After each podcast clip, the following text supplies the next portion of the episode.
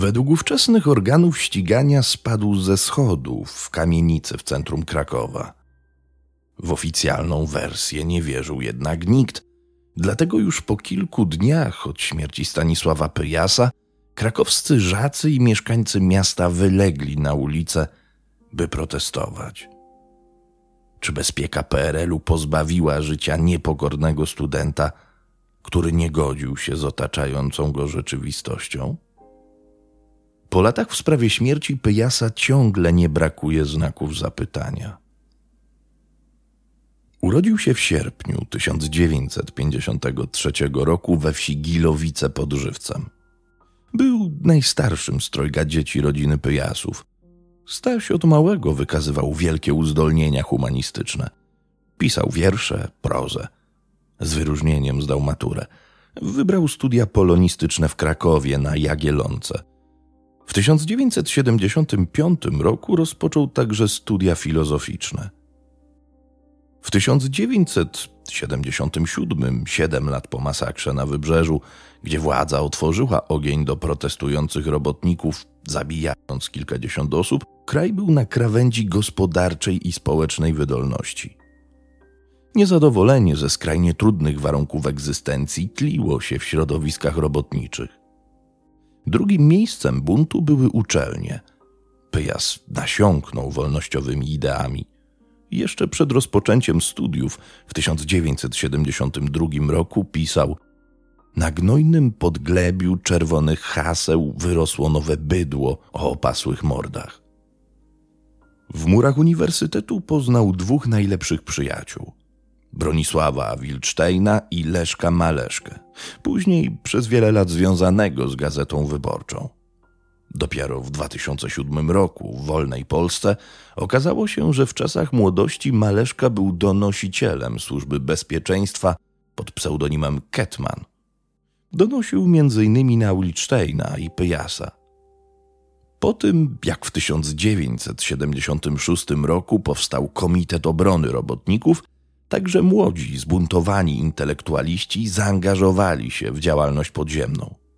Przepisywali i kolportowali komunikaty KOR, ulotki, biuletyny, rozdawali tak zwaną bibułę.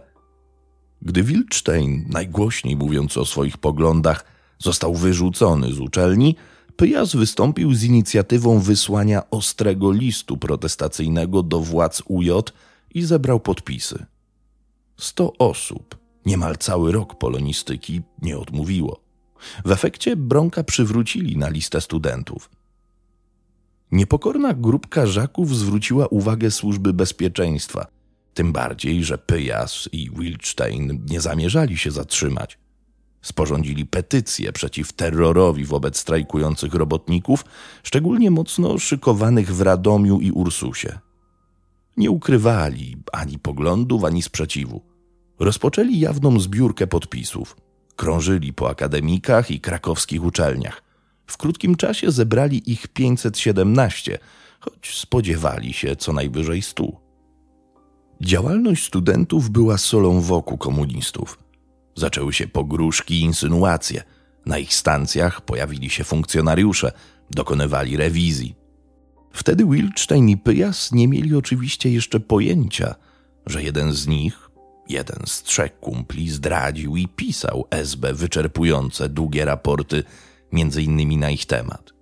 Po latach Leszek Maleszka, już jako dziennikarz Gazety Wyborczej, zapytany o to, dlaczego donosił, dlaczego był Ketmanem, odparł: To doskonałe pytanie. Dziś, po odtajnieniu akt SB, wiadomo, że Stanisław Pyjas był inwigilowany co najmniej od 1975 roku. Funkcjonariusze nadali mu pseudonim Żak i zaczęli nękać wielokrotnymi wezwaniami do komendy. Pyjas jednak nie dał się zastraszyć. Konsekwentnie odmawiał jakichkolwiek zeznań. Od wiosny 1977 roku bezpieka interesowała się nim szczególnie mocno.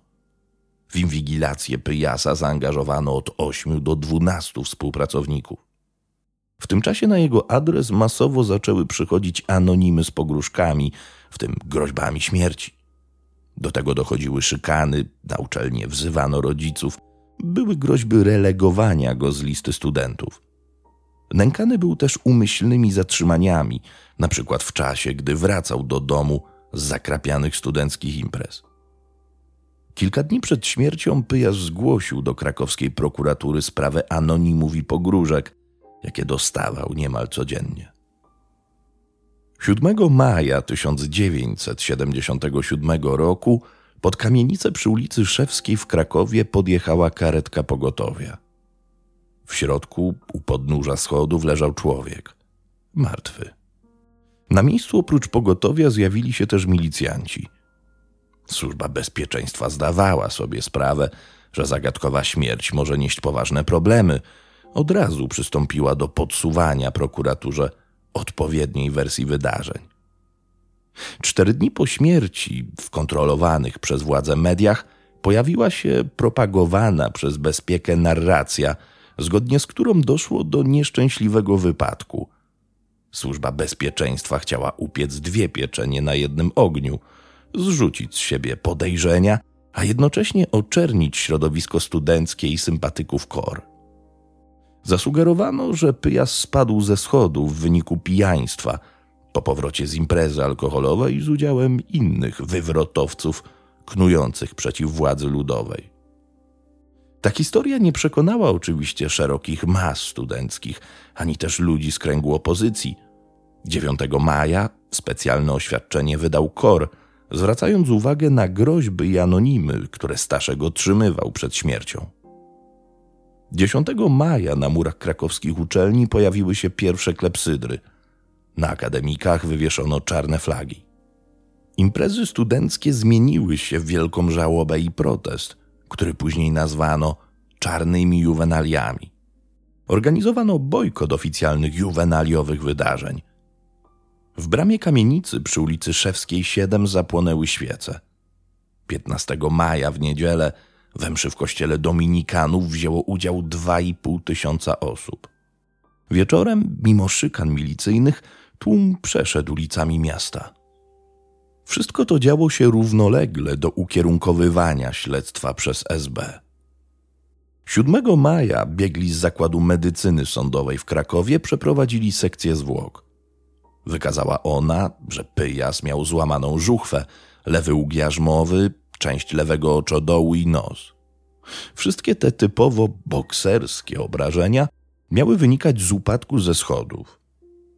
W dokumentacji biegli stwierdzili, że przyczyną zgonu Pyjasa było uduszenie przez zachłyśnięcie się krwią broczącą z ran wargi i nosa w czasie, gdy znajdował się on w stanie poważnego upojenia alkoholowego. Badanie potwierdziło, że Pyjas w momencie śmierci był mocno pijany. Miał 2,6 promila alkoholu we krwi. Biegli zaznaczyli przy tym, że obrażenia mogły pochodzić od uderzenia w podłogę, ale nie wspomnieli nic o tym, by mogły być wynikiem upadku ze schodów. Wychodziło więc na to, że pijany student z niewiadomych przyczyn zmasakrował sobie twarz uderzeniem w podłogę, wskutek czego zadusił się własną krwią. Pod protokołem sekcyjnym nie podpisał się dr Kazimierz Jägerman, przełożony dwóch adiunktów, którzy przeprowadzili sekcję. Zrobił to jednak profesor Zdzisław Marek, kierownik zakładu – tym samym protokół stał się obowiązującą dokumentacją medyczną. Kilkanaście lat później naukowiec, który usankcjonował przebieg sekcji zwłok, miał w przypływie szczerości niefrasobliwie się wygadać. Jak pisze historyk Patryk Pleskot, i tu cytat, już w latach dziewięćdziesiątych Marek, nieświadomy tego, że jest nagrywany, w rozmowie telefonicznej z pewną dziennikarką stwierdził – Ktoś Pyjasowi dał po mordzie, ale ja nie wiem kto. Wypowiedź ta zachowała się w archiwaliach Polskiego Radia. W 1991 roku został na mocy decyzji reaktora Akademii Medycznej w Krakowie pozbawiony funkcji kierownika Katedry Medycyny Sądowej. Powodem było naruszenie norm etycznych w działalności opiniodawczej. Co ciekawe, kilka miesięcy przed sprawą Pejasa Profesor Marek wydał opinię w sprawie śmierci Jana Brożyny, robotnika pobitego w Radomiu przez milicjantów. W tym przypadku również uznał, że przyczyną zgonu był jednorazowy upadek. 17 maja 1977 roku formalnie wszczęto śledztwo w sprawie śmierci Pyjasa. Stało się to na wniosek jego rodziców i ich pełnomocnika, mecenasa Andrzeja Rozmarynowicza. Mecenas, niegdyś doradca prawny Karola Wojtyły, obrońca wielu opozycjonistów, pracował społecznie. Zgłosił w zawiadomieniu o możliwości popełnienia przestępstwa. Władza nie mogła tego zignorować. W prasie pojawił się komunikat wzywający osoby, które miały wiedzę o wydarzeniach owego wieczoru, by zgłaszały się do organów ścigania. Śledczy ustalili, że w kamienicy mieszkała niejaka Barbara P., studentka geografii i znajoma Staszka. Nieopodal jej drzwi znaleziono pudełko na drugie śniadanie należące do zmarłego. Ona sama jednak zaprzeczyła, by tego wieczoru Pyjas ją odwiedził, Utrzymywała też, że nie łączyło ich nic więcej niż koleżeństwo. Z kolei inni mieszkańcy kamienicy twierdzili, że owej nocy nie słyszeli niczego podejrzanego. Już samo to wskazywało, że opowieść o upadku ze schodów nie trzyma się kupy. Czy to możliwe, że upadek z trzeciego piętra, z wysokości krętych schodów dużego, dorosłego mężczyzny nie narobił w ogóle hałasu? Jak to się stało, że Pyjas spadając rzekomo z wysoka odniósł jedynie obrażenia lewej części twarzy, a nie na przykład kręgosłupa, rąk, czaszki. Nie krzyczał, nie wydał z siebie żadnego dźwięku, nie wzywał pomocy. Nielogiczności i absurdy przyjętej hipotezy współwystępowały z zadziwiającymi zaniechaniami w ramach prowadzonego śledztwa. Nie przeszukano na przykład piwnicy w kamienicy przy ulicy Szewskiej. Później okazało się, że znalezione zostały tam okulary. Czyje? Tego nie ustalono. Nie zwróciło to uwagi śledczych, mimo że Staszek okularów przy sobie nie miał, a powinny być w kieszeni jego kurtki. Władza ludowa robiła wszystko, by upozorować uczciwe śledztwo, ponieważ nie dało się ukryć, że przed śmiercią Pyjas dostawał anonimy z pogróżkami, podjęto próbę ich analizy, sprytnie jednak kierując podejrzenia w stronę środowiska studenckiego. Absurdalnym nakładem sił i kosztów przebadano próbki pisma ponad 40 tysięcy studentów z Krakowa i sąsiednich województw. Manewr był sprytny – Prokuratura mogła wykazać swe zaangażowanie, nakierować postępowanie na bezpieczny wątek i odwrócić uwagę od zasadniczego celu śledztwa, jakim było wyjaśnienie przyczyny śmierci Pyjasa, pisze Patryk Pleskot. Analizy pisma oczywiście do niczego nie doprowadziły.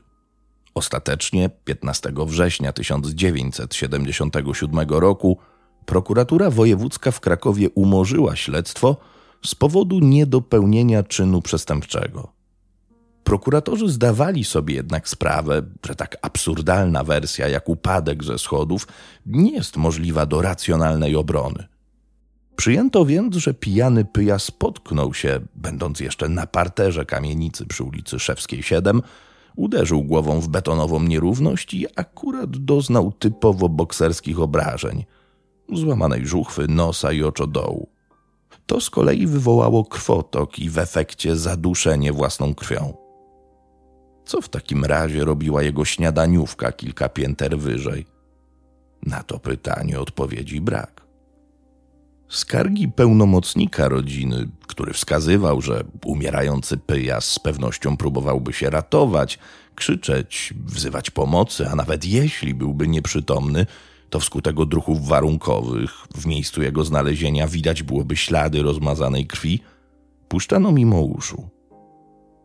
Jesienią 1977 roku do krakowskiego SB zgłosił się były funkcjonariusz, a wówczas już donosiciel na emeryturze, niejaki Tadeusz Sowa. Zaoferował ciekawe informacje w sprawie Pyjasa, oczywiście nie za darmo, ba za konkretne wynagrodzenie. Jak pisze Patryk Pleskot, Sowa opowiadał, że 10 października pił wódkę w barze pod filarkami na rogu ulicy Ditla i Starowiślnej. Jego kompanem był Marian Węclewicz, dawny bokser Krakowi, wielokrotnie karany za bójki i chuligaństwo, współpracujący z Wydziałem Kryminalnym KWMO. Piło się dobrze, ale skończyły się pieniądze. Podpity Węclewicz zapewnił, że zaraz zdobędzie gotówkę. Wyznał, że w maju pobił Pyjasa, by ten nie mógł wziąć udziału w juwenaliach. Obiecano mu za to 100 dolarów, co było wówczas olbrzymią sumą. Bokser chciał teraz odebrać nagrodę, którą obiecał mu Jan Knapik, portier w czytelni francuskiej, mieszkający niedaleko baru. Wąclewicz wyszedł i już nie wrócił. Niedługo później okazało się, że bokser nie żyje. Tej samej nocy spadł ze schodów w kamienicy swego rzekomego mocodawcy. Knapik, prawdopodobnie człowiek na usługach SB, wyparł się jednak, by był wówczas w domu. Ani zeznań Tadeusza Sowy, który miał słyszeć wyznanie mordercy Pyjasa, ani zagadkowej śmierci boksera nigdy nie wyjaśniono. Podobnie ma się rzecz ze śmiercią studenta UJ Stanisława Pietraszki, który jako ostatni widział Pyjasa żywego. Mógł być on cennym świadkiem, który dawał szansę rozpoznania sprawców. Niestety, ledwie kilka miesięcy po śmierci Staszka, 1 sierpnia 1977 roku, znaleziono jego ciało pływające w Zalewie Solińskim. Służby PRL za przyczynę śmierci uznały utopienie. Problem w tym, że jak zeznawali znajomi zmarłego, Pietraszko nie lubił wody i nie umiał pływać. Było bardzo mało prawdopodobne, by wszedł w toń zalewu z własnej woli. W tak zwanej wolnej Polsce wznowiono śledztwo dotyczące Stanisława Pyjasa tym razem już w sprawie zabójstwa studenta. Prokuratura oparła się na ekspertyzie przygotowanej w kwietniu 1991 roku przez Władysława Nasiłowskiego i profesora Andrzeja Jaklińskiego. Uznali, że wygląd i charakter obrażeń nie odpowiada upadkowi na równe lub względnie równe podłoże. Należy wskazać, że tego rodzaju rozmieszczenie i charakter obrażeń odpowiada częściej następstwom pobicia, przykład przy uderzeniu pięścią, kastetem lub butem, względnie innym narzędziem. Z kolei w 2010 roku ekshumowano szczątki Stanisława Pyjasa. Według biegłych z zakładów medycyny sądowej w Bydgoszczy, Gdańsku i Wrocławiu, którzy w 2012 roku sporządzili wspólną ekspertyzę, śmierć mogła faktycznie nastąpić w wyniku upadku ze schodów jednak nie można stwierdzić, czy Pyjas mógł spaść sam, czy został zrzucony. Ekspertyza wywołała jednak szereg wątpliwości. Sformułowano kilkadziesiąt pytań do biegłych w tej sprawie. Do dziś tak naprawdę nie wyjaśniono niczego z tego, co stało się feralnej majowej nocy w kamienicy przy ulicy Szewskiej w Krakowie. Swoje śledztwo prowadził też Instytut Pamięci Narodowej – jednak zostało ono umorzone w 2019 roku z powodu niemożności wykrycia sprawców przestępstwa. Tekst powstał w oparciu o książkę Patryka Pleskota, do której link zostawiam Wam w opisie pod tym filmem. Dzisiejszy odcinek powstał przy współpracy z magazynem Detektyw, do którego zakupu, jak zwykle, serdecznie Was zachęcam.